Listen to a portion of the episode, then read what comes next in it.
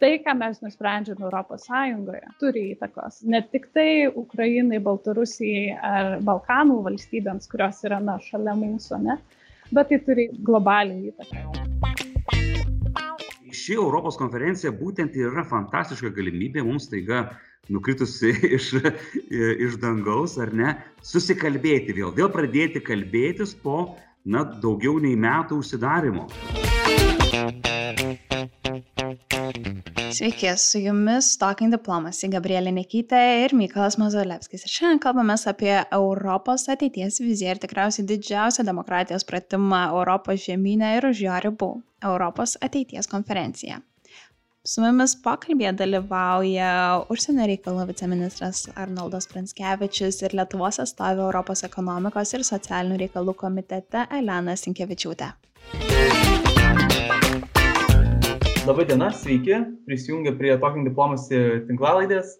Turime du puikius pašnekovus, kalbėsime apie Europos ateities scenarijus. Ir visų pirma, norėtume abiejų iš jūsų paprašyti šiek tiek papasakoti apie save, prisistatyti mūsų auditorijai, kad, kad galėtume susipažinti. Tai laba, ačiū labai už kvietimą. Esu Elena, esu jaunas žmogus, europietė iš Lietuvos Šiuo metu taip pat esu ir Europos ekonomikos ir socialinių reikalų komiteto narė. Neseniai pradėjau savo kadenciją komitete dėka Lietuvos jaunimo organizacijų tarybos, kurie nominavo ir, ir padėjo toje institucijoje man atsirasti. Tai va. Sveiki gyvi, mano vardas Arnoldas, šiuo metu esu užsienio reikalų viceministras.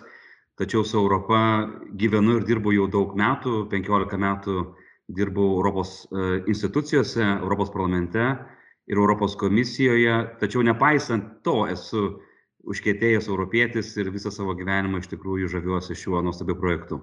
Tai tada nieko nelaukia, pradėsime kalbėtis apie tą mums visiems labai svarbią temą. Ir e, gal pirmas klausimas būtų taipogi mūsų abiems pašnekovams, kodėl mums reikia kalbėtis apie Europos, Sąjungos ateitį ir kodėl apie tai būtina kalbėti būtent dabar?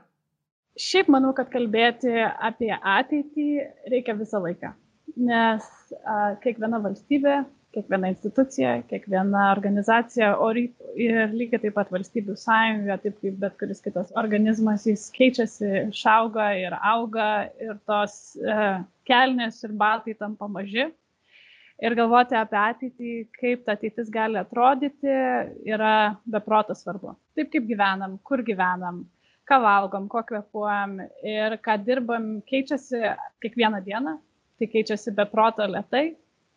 Bet vieną dieną supranti, kad įvyko labai dideli pokyčiai ir tuos pokyčius reikia atliepti. Ir kai reikia atliepti, tada jau dažniausiai būna per vėlų. Tai tampa būtina čia ir dabar ir tai tampa labai labai brangu. Čia mes tikriausiai galim kalbėti, pažiūrėjau, apie tą patį skaitmenizacijos visas investicijas, ką mes darome šiandien. Nes dabar jau reikia jų dabar, jos tapo brangios. Tikriausiai galim kalbėti ir apie tam tikrus veiksmus, kurie reikalingi dabar sprendžiant klimato krizę, nes tam tikrų metų nepagalvojom arba neinvestavom. Dabar tai yra tobula proga nes prasideda konferencija dėl Europos ateities ir tai jinai sukuria mums platformą, duoda mums kelią, kada pasikalbėti ir kaip pasikalbėti apie tą ateitį.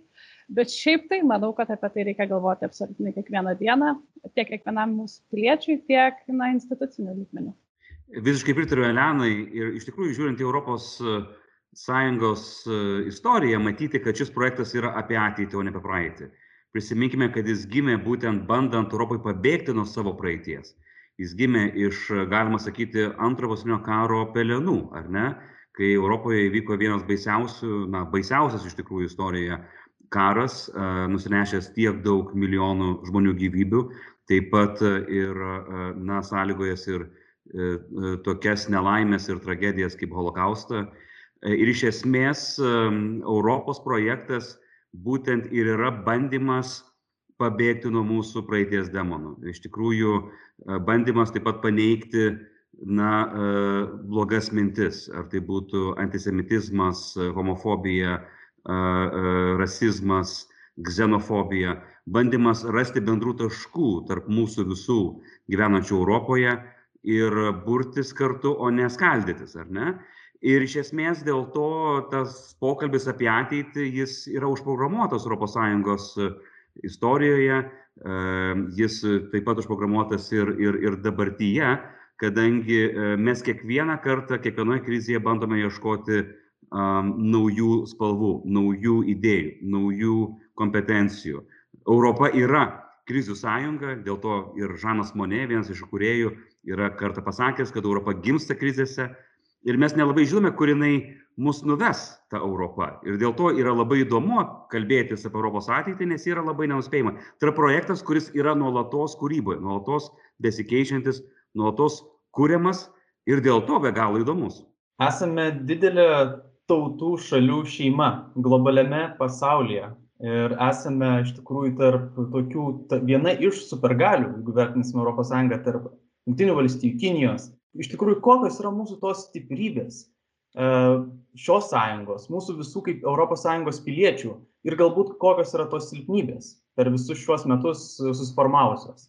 Tai gal pradėsiu nuo nuo stiprybių ir iš tikrųjų tai ką jau ir minėjai ta prasme mes esam labai labai didelė įtakos galia Mes esame be proto didelė rinka, mes esame be proto didelė geopolitinė jėga ir mes esame be proto didelė vertybinė sąjunga. Aš manau, ta įtaka iš esmės taip, tai yra mūsų pagrindinė vertybė, bet jinai ir susideda iš kitų dviejų dėmenų, tai aš sakyčiau pačios įvairovės, kad ir kiek iššūkių jinai mums sukurtų, ta įvairovė, tautinė, rasinė, kalbinė, jinai duoda tai įtakai labai svarbu tokį pagrindą, kad mes galim susitarti, mes galim gyventi taikiai, mes galim pyktis, mes galim um, nesutarti, mes galim ieškoti labai sunkiai sprendimų, bet tai daryti civilizuotai, tai daryti pagal taisyklės ir, tai, ir, ir rodyti pavyzdį to. Ir būtent tos na, vertybės, ką mes, ką mes gal taip labai uh, plačiai minim, bet žmogaus teisės, teisės viršenybė ir viršiškumas. Tai yra tai, kas leidžia mums būti um, beproto stipriems tiek viduje, tiek išorėje. Dėl silpnybių, tai tų silpnybių yra daug, aš sakyčiau, labai daug kas susiję į būtent nesusikalbėjimą, kartais nežinojimą ir kartais nepasidomėjimą. Iš to išplaukia ir tai, kad um, ta ES kartais mums atrodo be proto lėta.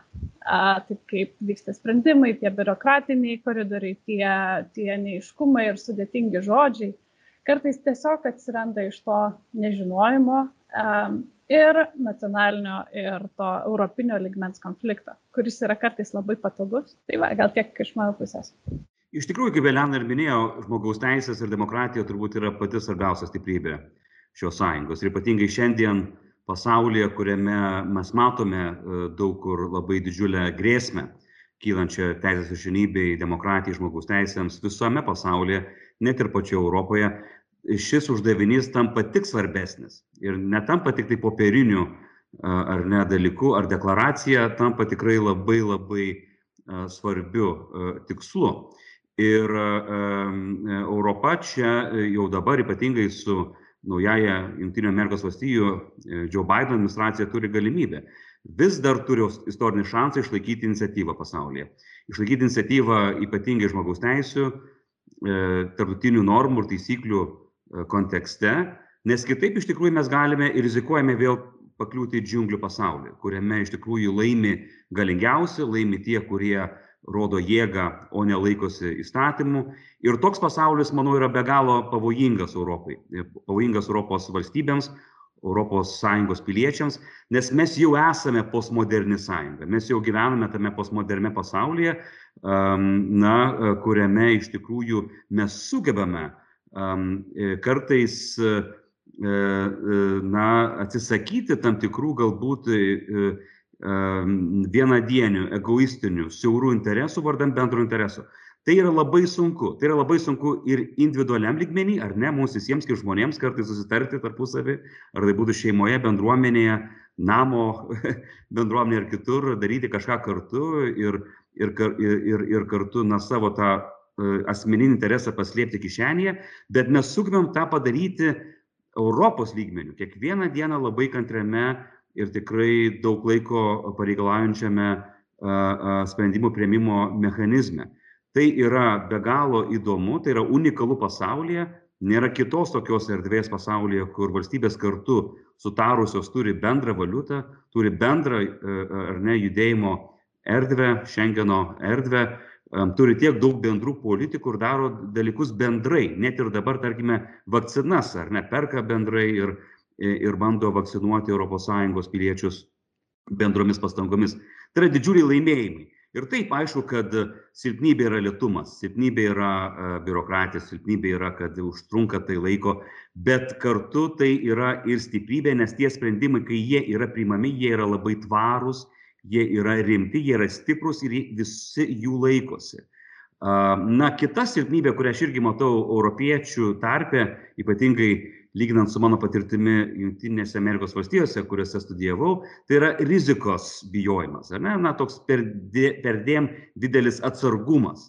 Ir čia mes pavyzdžiui atsiliekame ir manau skaitmenoje ar ar tose skaitmeninėse e, bado žaidynėse kartu su su jungtinėmis amerikos valstijomis ar kinija dėl to kad bijome rizikuoti e, bijome ar ne idėjas įgyvendinti čia europoje. Kartais puikias idėjas padovanojame kitiems ir čia turbūt reikėtų daugiau drąsos šiame pasaulyje. Daugiau drąsos daugiau pasitikėjimo savimi daugiau na to atsparumo pasaulio grėsmėms ir tikrai na to tokio ypatingai ekonomikos srityje skaitmenos srityje energetikos srityje savarankiškumo.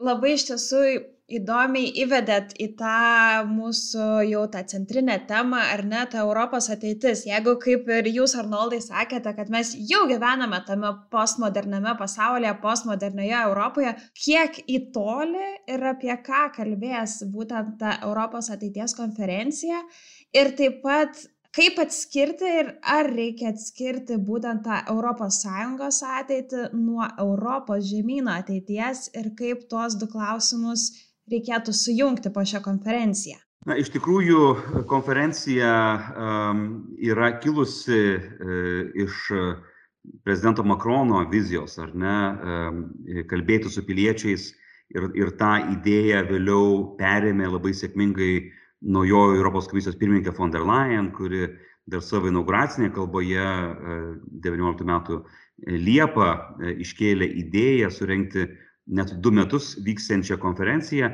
Per tą laiką, aišku, mus labai stipriai su, sukrėtė pandemija ir privertė ir sutrumpinti e, konferenciją iki metų ir pakeisti šiek tiek jos galbūt na, for, formą ir, ir tikslus. Tačiau ji išlieka na, labai atvira savo e, galutiniam rezultatui. Institucijos, ar tai būtų Europos parlamentas, Europos komisija, taryba, valstybės narės nenorėjo iš anksto numatyti, ko būtent siekia ši konferencija. Nes konferencija yra skirta piliečiams, yra skirta visų pirma piliečių dialogui, piliečių diskusijoms apie ES ateitį ir dėl to būtų tikrai, na, netgi nesažininga institucijoms iš anksto nubrėžti gairias, e, e, ko būtent ar ne ši konferencija gali siekti. Dėl to visi klausimai joje yra įmanomi nuo žalio kurso iki skaitmenizacijos, iki socialinės Europos, iki pasaulio reikalų ir globalios Europos ambicijų. Ir būtent Gabrielės, na, išsakyta mintis yra labai svarbi. Ar mes kalbame tik tai apie Sąjungą ir jos institucinę ateitį ir, ir, ir, ir, ir jos ateities konturus, ar mes kalbame apie Europą kaip žemyną, kur mums taip pat yra e, svarbu ir mūsų kaimynai tiek ir rytuose, ir pietuose, bendrai saugumo ir gerovės būklė Europos kontinente, mūsų santykiai su Afrika, kurie irgi yra be galo svarbus ir fundamentalūs, žiūrint dešimtmečiais į priekį.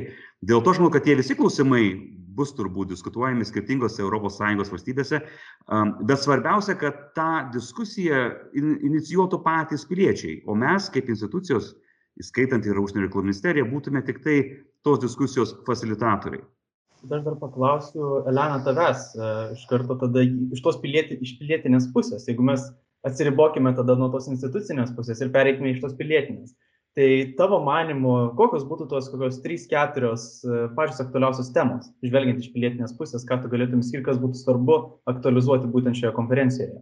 Na, konferencija jau šiai dienai turi tam tik turi truputėlį sudėliotą formatą, kokios pagrindinės temos bus, uh, bus analizuojamas ir aš su jomis nei viena iš jų negaliu nesutikti, kad apie tai nereikia kalbėti. Uh, pradedant nuo klimato kaitos ir aplinkos sveikatos, tvarios ekonomikos ir atsigavimo, teisės viršenybės, taip kaip pati ES veikia, kaip, kaip ta demokratija ES atrodo ir kaip tas piliečių įsitraukimas atrodo į ES.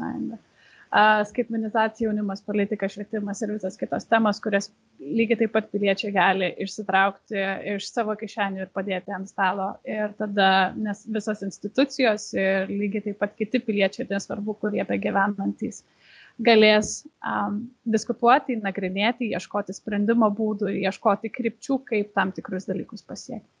Tai taip, tos visos temos yra beprotas svarbios ir aš manau, jos privalo eiti viena greta šalia kitos, nes um, apie kažkokią ateitį ne, ne, ne, ne, kalbėti ir, ir turėti, būti jai pasiruošus, neidentifikavus uh, veiksmų šitose srityse yra neįmanoma. Uh, Iš pilietinės visuomenės pusės, aš manau, yra tikrai svarbu minėti ir kalbėti ir rasti sprendimo variantus, kaip uh, tom problemam, kaip užtikrinti, kad pilietinė visuomenė ir piliečiai, ne tik tai organizuota pilietinė visuomenė, turi sprendimo teisę, turi galimybę įsilieti į sprendimo prieimimą, nesvarbu, ar tai yra nuo savivaldybės ligmens, net, net, net, net ne nuo savivaldybės, o nes nuo seniūnijos ligmens iki, iki Europos parlamento ir visą kitą e, ligmens tai yra beprotas svarbu išdiskutuoti, nes ką mes matom, kad tas, na, ką anam klausimė kalbėjom, kad taip, mes jau gyvenam postmodernioj sąjungai. Mes toli gražu nesame tik tai um,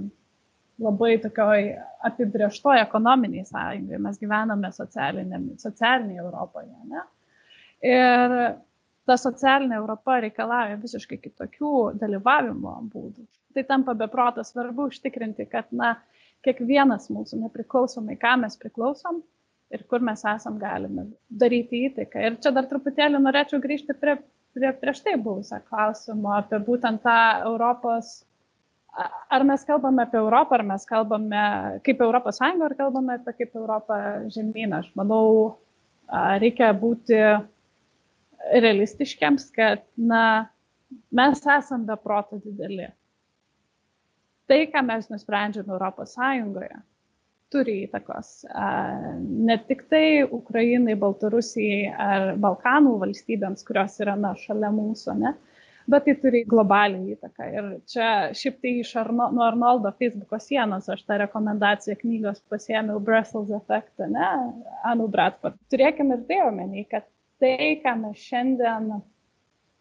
kalbėsimės, ką mes kalbėsimės visus šitus metus, iki, iki, iki kada tos gairės konferencijos bus nuspręstos, tai jos ir sudėlios ne tik kaip mes, kaip mūsų duomenų apsauga yra, pavyzdžiui, saugoma, bet taip kaip saugos duomenys ir visi kiti piliečiai, ir visos kitos institucijos, ir visi, visos kito, kiti verslai, kurie toli gražu yra ne, ne Europoje. Ne? Tai aš manau, reikia turėti šitą omeny kaip privilegiją, kaip dovaną ir kaip žiauriai didelę pareigą mums kaip europiečiams pasim, prisimti tą moralinės, vertybinės, ekonominės lyderystės poziciją ir pasukti viso, pripažinkim, viso pasaulio raidą truputėlį, gal kažkokiam kitom pusėm. Bus matyti, nenoriu nubrėžtos pusės, nes lygiai taip pat labai noriu vertinti ir gauti tą piliečių viziją, ne, pamatyti, ko, ko tikrai, apie ką mes turim kalbėti bet tuo pačiu labai, labai viltingai žiūriu, kad mes galim čia šiaip per šitus metus žiauriai daug dalykų padaryti, kurie turės nu, globalinį įtaką. Iš tiesų, Elena, labai įdomu tokį momentą irgi paminėjot, kad tas bandymas pasiekti visus iki vieno europiečius nuo miestų, savivaldybių, senių ir panašiai. Galbūt tas klausimas iš karto kyla, kodėl europiečiui turėtų būti svarbu įsitraukti ir kaip tam žmogui būti tikram, kad jo išklausys. Vis tiek turim pripažinti, mes gyvenam tokiuose, na, burbuluose, ar ne? Ir kartais netgi ne tik Bruselio burbulas, bet ir, ir Vilniaus burbulas, ar, ar kokia nors savivaldybės burbulas turi savų niuansų ir panašiai. Tai kaip pat užtikrinti, kad tą, tą žmogų išklausys, taip pat ši konferencija žiūri labai į jaunimo nuomonę. Tai kaip pritraukti tą jaunimą ir kaip išvengti to kartų skirtumo, kuris iškel, iškėlus idėjas atsiranda kartais. Aš gal pradėsiu, iš tikrųjų, na tikrai um, labai svarbus uždaviniai, nes šiandien pasaulyje mes matome, kad mes gyvename tuose socialiniuose burbuluose ar, ar skaitmeninėse gentyse, kurios kuo toliau, tuo mažiau šnekasi tarpusavį ir dar labiau polarizuojasi.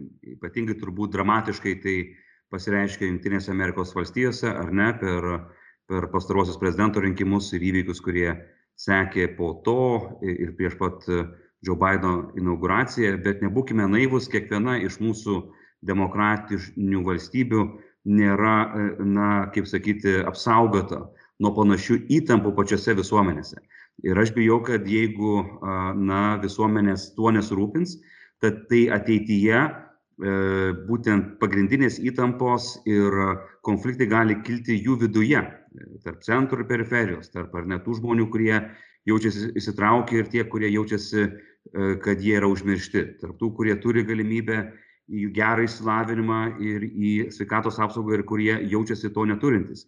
Ir panašiai. Ir iš esmės tai yra labai labai svarbi ir pavojinga skirtis demokratiniame pasaulyje, vakarų pasaulyje, kuri anksčiau netrodė tokia gili, o dabar darosi vis didesnė praraja ir ypatingai atsispindi ir socialiniai medijoje, mūsų informaciniam laukia, e, net ir, tarkime, na, e, tame infodemijos laukia, e, ar ne, kur vyksta kovos skirtingų naratyvų dėl pandemijos, dėl skiepų, dėl dėl viruso ir panašiai. Ir mes matome, kad žmonės tiesiog nebesusišneka ir gyvena e, skirtingose pasauliuose.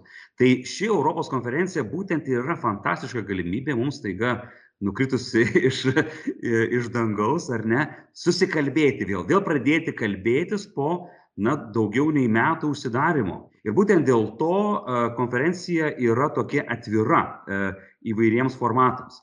Skaitmeninė platforma, kuri jau pradėjo egzistuoti ir bus skirta visų įvairiausių nuomonių dalinimuisi, kur kiekvienas pilietis, organizacija, institucija galės įregistruoti savo renginius, siūlyti savo idėjas ir vėliau, aišku, pateikti savo diskusijų rezultatus tai skaitmeniniai platformai, kuri bus toks didžiulis mega hubas, iš kurio ir išplauks ar ne pagrindinės išvados šios Europos konferencijos po metų Prancūzijos pirmininkavimo metu.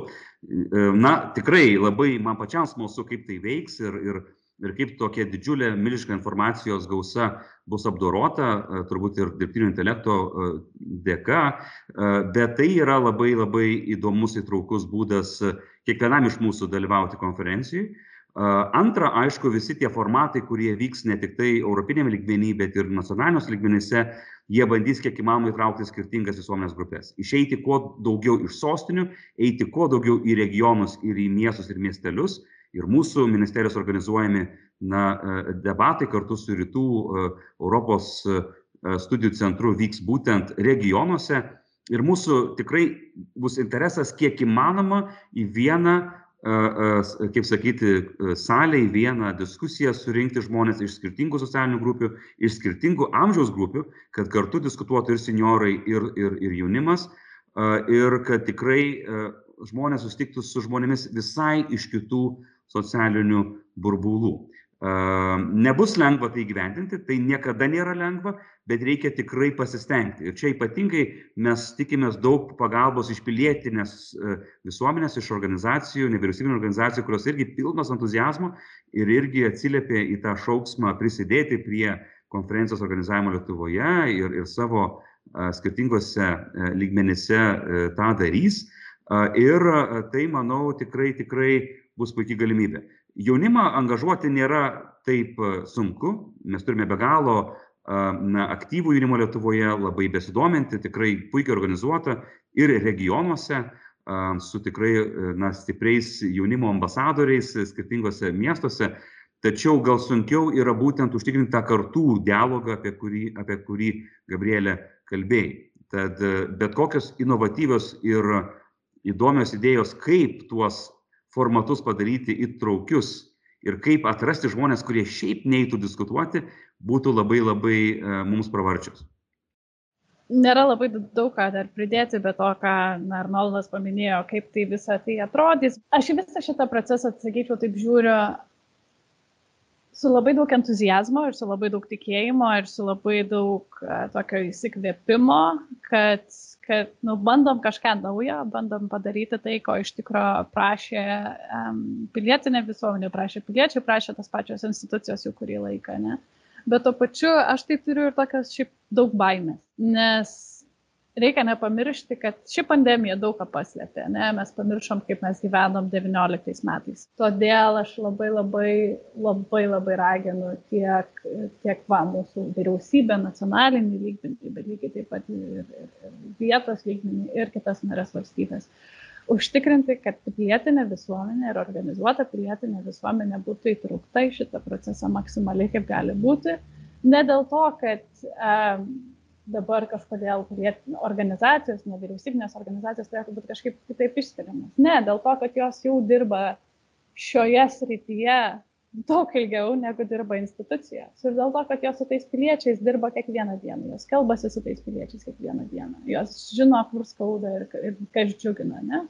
Tai yra beproto svarbu įtraukti jau esamas struktūras tam, kad nešvaistyti laiko ir nerizikuoti padaryti klaidą ir nuvilti piliečius, pažadėjus jiems kažką ir tada to neįgyventinant. Tai aš tas baimės turiu, pakankamai, sakyčiau, net gal daugiau negu norėčiau, bet lygiai taip pat um, labai turiu daug vilties. Mane tai džiugina, kad mes iš vis tokią platformą turim apie kodėl tai yra svarbu lietuviui, kodėl tai yra svarbu jaunam žmogui arba kodėl tai yra svarbu, nežinau, vengrui. Tai darys įtaką visų mūsų gyvenimui, nepriklausomai, kas mes esame ir kur, kur, um, kur gyvename. Mes visi turime tam, tikras, tam tikrus būdus, mūsų pilietybė suteikia būdus, kaip mes galime daryti įtaką tam, kaip mes gyvename. Ne? Tai vieni mes renkamės tik balsuoti, kiti mes renkamės eiti protestuoti. Dabar atsirado nauja forma, ne, kurią labai siūlau pasinaudoti. Uh, jaunimo dalyvavimas uh, taip yra tikrai, yra tikrai svarbus ir jaunimas yra viena iš na, tų temų, apie ką konferencija kalbės. Tai ir net šiaip tai ne apie jaunimą, apie jaunimo politiką. Ne?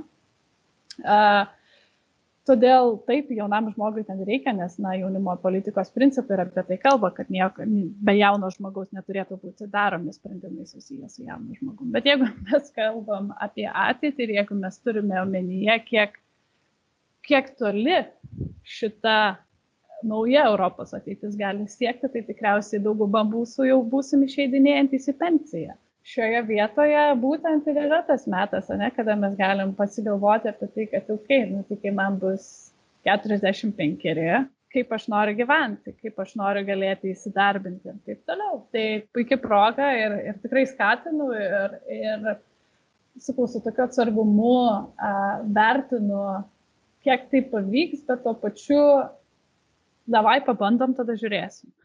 Tada jau keliaujant link pabaigos, Lietuva jau 17 metų Europos Sąjungoje, Europos Sąjungos narė. Beveik, nedaug liko. Ištisos kartos jau gimė Europos Sąjungoje, kaip Europos Sąjungos piliečiai nuo pat pirmų dienų. Ir išėjus į gatvę pasiklausinį žmonių tikriausiai raščiau, kurie pasakytų, ką mums davė Europą.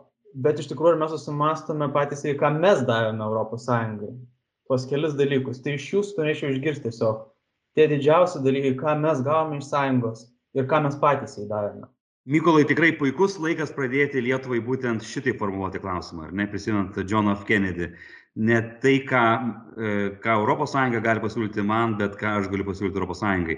Ir aš tikrai manau, kad Lietuva jau yra pasiruošusi ir ne tik pasiruošusi, bet tą ir daro, tikrai turi ką pasiūlyti ir būti ne tik tai uh, gavėja na, visos tos ES kuriamos vertės, bet ir prisidėti, prisidėti labai reikšmingai ir pati. Tai natūralu, kad turbūt vienas iš tokių natūru, na, natūralių atsakymų į paties klausimą, kalbant apie valstybę, labiau gal ne apie pilietį, tai yra mūsų, mūsų uh, uh, ekspertizė rytų partnerystėje. Aš čia matau šiek tiek ir, na, tokį istorinį šansą Lietuvai ir Baltijos šalims įprasminti tą fantastišką sėkmę jų pačių transformacijos ir pokyčių, padedant tiems, kurie, kurie šiandien net neturi dar vilties net ir svajoti, ar ne, apie ES e, narystę. Ir dėl to tai yra mūsų, na, istorinė, sakyčiau, užduotis ir pareiga rūpintis laisvės siekiančiai žmonėmis ir Baltarusijoje, ir Ukrainoje, ir, ir, ir Moldovoje, ir Sakartvele. Ir Lietuva tą daro be galo įspūdingai, tikrai labai aktyviai ir daug kas Bruselis nustemba, kad tokia maža valstybė yra tokia garsi ir tokia aktyvi šiais klausimais. Ir dažnai manęs klausia, kodėl. Ir aš sakau, yra labai paprasta. Na, mes tiesiog esame patys uh, tiek įtikėję savo laisvę ir tuo tikrai tikime labai giliai, ar ne, nuo sausio 13 ir kovo 11 laikų, kad mes esame na, pasiruošę padaryti viską ir dėl savo artimiausių kaimynų ir draugų laisvės. Čia yra Lietuvos dovana Europai, manau, labai svarbi, be galo svarbi ir, ir, ir, ir, ir kuri toliau ir, manau, tęsis ir, ir per, per, per ateinančius metus. Um, kita sritis, kur, manau, tikrai mes galime daug ką duoti uh, ir prisidėti, tai yra būtent tose sritise, kuriuose mes turime nemažą proveržį. Ar tai būtų gyvybės mokslai, ar tai būtų uh, informacijos technologijos, uh, fintechas, uh, na, uh, labai gyvybinga ir, ir tikrai įspūdinga startuolių bendruomenė. Tose sritise, kuriuose mes jau dabar turime labai gerų rezultatų, be galo daug intelekto ir e, e, įkvepiančių žmonių.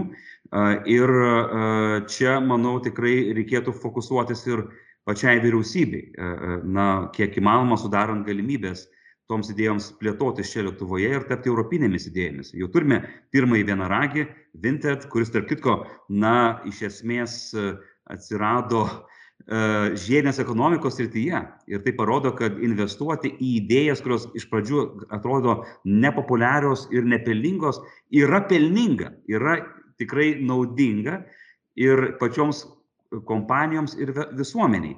Tai čia tiek per skaitmeną, tiek per žalį kursą irgi Lietuva turi daug galimybių um, pasireikšti. Nes būdami maži, būdami jauni, mes galime ir inovuoti, mes galime daryti pokyčius daug greičiau nei kai kurios didžiosios senosios ar ne ES valstybės.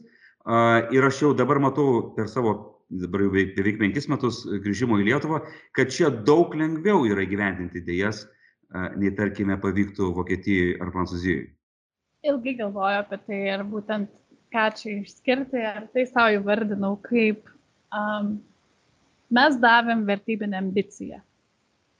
Ir šioje vietoje tai yra būtent susijęs su, dažniausiai tai yra susijęs su rytų partnerystė, mes taip, nu, dažniausiai, daugiausiai, dažniausiai tai kalbam, bet, bet ir ne tik, mes esame viena iš tų valstybių, kurie, sako, kurie sustoja ir sako, jo, jo, viskas ok, yra labai faina daryti verslą, yra labai faina e, vystyti mainus, Bet pala, yra vertybinė ta pusė, yra politinė ta pusė ir yra tam tikros vertybės, tam tikri principai, kuriuos ES gina.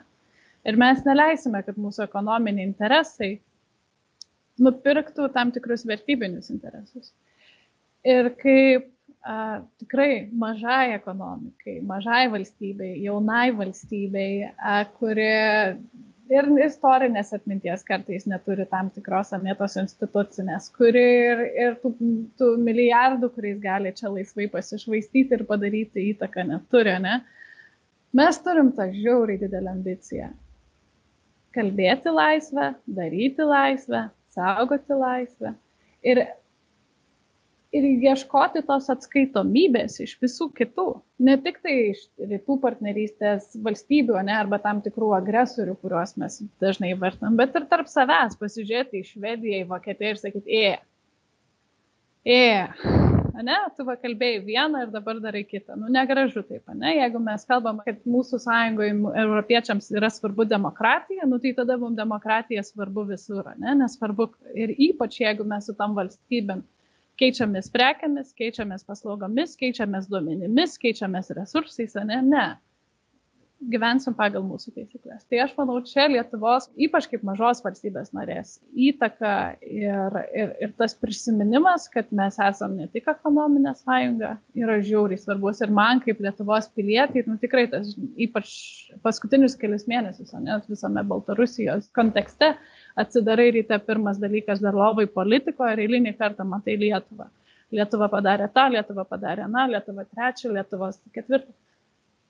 nu kažkur tas toks va nesukirba kirminukas, kad nu, labai faina va šiandien būti ne Lietuvė ir kad mano valstybė yra ta, kuri pasiema šitą vėliavą ir sako, ne, sorry, demokratija, laisvė, žmogus teisės yra svarbu visur ir visada. Tai man tas yra va, toks svarbiausias, taip, sutinku su tuo, ką Arnoldas sakė dėl kompetencijos, dėl patirties, dėl žinojimo, tikrai taip, bet vis tiek man ta, va, ta vertybinė lyderystė ir ambicija yra žiauriai įkvepianti. Ta pakilė tokia gaida ir būtų mūsų paskutinis klausimas šiandien, kadangi šis tinklalės epizodas išeis aplink Europos dieną šiais metais. Tai ko galėtumėt palinkėti Lietuvai ir netgi galbūt Europos Sąjungai šią Europos dienos progą? Na, turbūt vienas tų dalykų, kur Lietuva tikrai gali irgi e, duoti bendrai Europai, tai yra pasitikėjimą Europą pačia. Mes visada esame tarp pirmųjų e, Eurobarometro e, apklausose tikinčių Europą. Norėtųsi palinkėti visiems europiečiams tikėti Europą ir nebijoti jos mylėti. Nes iš tikrųjų pati ES idėja yra be galo žavi, tai yra taikos idėja, tai yra bendradarbiavimo idėja, tai yra iš tikrųjų na, vertybinė idėja e, ir nėra gėda mylėti tokias idėjas, ar ne, ir tikrai, kai reikia jas ginti. Tai aš norėčiau tiesiog palinkėti šiek tiek daugiau drąsos prisipažinti meilę Europai. O taip, tikrai taip. A, ta meilė Europai, man atrodo, mums dar toks naujas įgūdis, kurį turim išmokti. A, ir ne tai, kad ne, ne kaip mylėti, bet kaip parodyti, kad myli. Ne? Paskutinis buvo plenarinis posėdis Europos ekonomikos ir socialinių reikalų komiteto nuo mandato ir buvo, nepasakysiu, tie pavardės, buvo toks a, italas, rašytojas pakviestas. Ir jisai pasakė tokią man labai labai išgazinusią mintį kad jisai savo vaikams bandė tiesiog nupirkti knygą apie Europą, nu, kad tiesiog savo mažamečiams vaikams padovanoti knygelę apie Europą, kur galėtų paskaityti Europos istoriją, kas ta Europos Sąjunga, kaip čia dabar taip viskas atsitiko. Ir jis išsiaiškino, kad pasirodo, tokios knygelės nėra rinkoje. Tokios knygelės buvo, kai jisai buvo vaikas, bet šiai dienai jo vaikams atnaujintos ES, Europos istorijos knygelės jos nėra. Ir mane tai truputėlį, nu, net net truputėlį labai išgasino ir tada pati susimašiau, kad, nu, taigi mano va dukterėčia sumienai auga, aš neturiu, nu, ka, nu kaip, kaip dabar va čia imti taip gražiai ir papasakoti jiem apie tą Europą, ne apie panoraminę, ne apie tą, kur panoramai rodo Europą, bet apie tą tikrą Europą, ne, kur, kur, kur mes džiaugiamės tą Europą. Tai manau, va šitoj vietoj labai siūlyčiau, kam nors tą knygelę parašyti, o kitas tai yra mums visiems vieną vakarą atsisės, pasidomėt, paskaityti, papasakot mamai, tečiui ir, ir doktoriečiai apie, apie tą Europą, kas yra Lisabono sutartis, kas yra Maastrichto sutartis, ne, kas yra kompetencija, kas yra socialinių teisų ramstis. Tai gali būti pakankamai toks sudėtingesnis ir gal ne pats džiugiausias vakaras Žemėje, ne?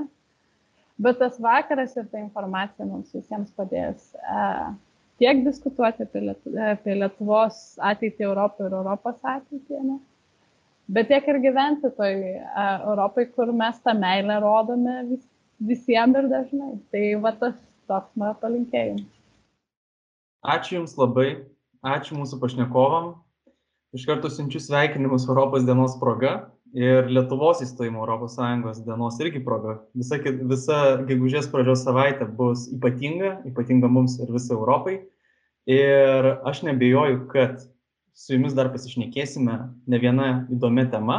Ir iš tikrųjų dar vienas toksai palinkėjimas visiems mums ir sudalyvauti E, konferencijai dėl Europos ateities, išsakyti savo mintis ir pagalvoti apie tą Europą, kokioje mes norime būti po 10, 20, 30, 40 metų ir pagalvoti, ką mes galime įduoti.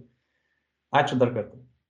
Tai tikrai ačiū Jums labai ir aš irgi prisidedu prie Mykolo sveikinimo tai artėjančios tos Europos savaitės proga.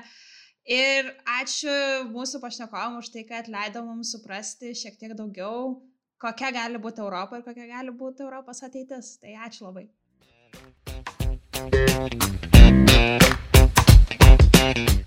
Su jumis buvo Talking Diplomacy. Ačiū, kad ir vėl klausytės mūsų.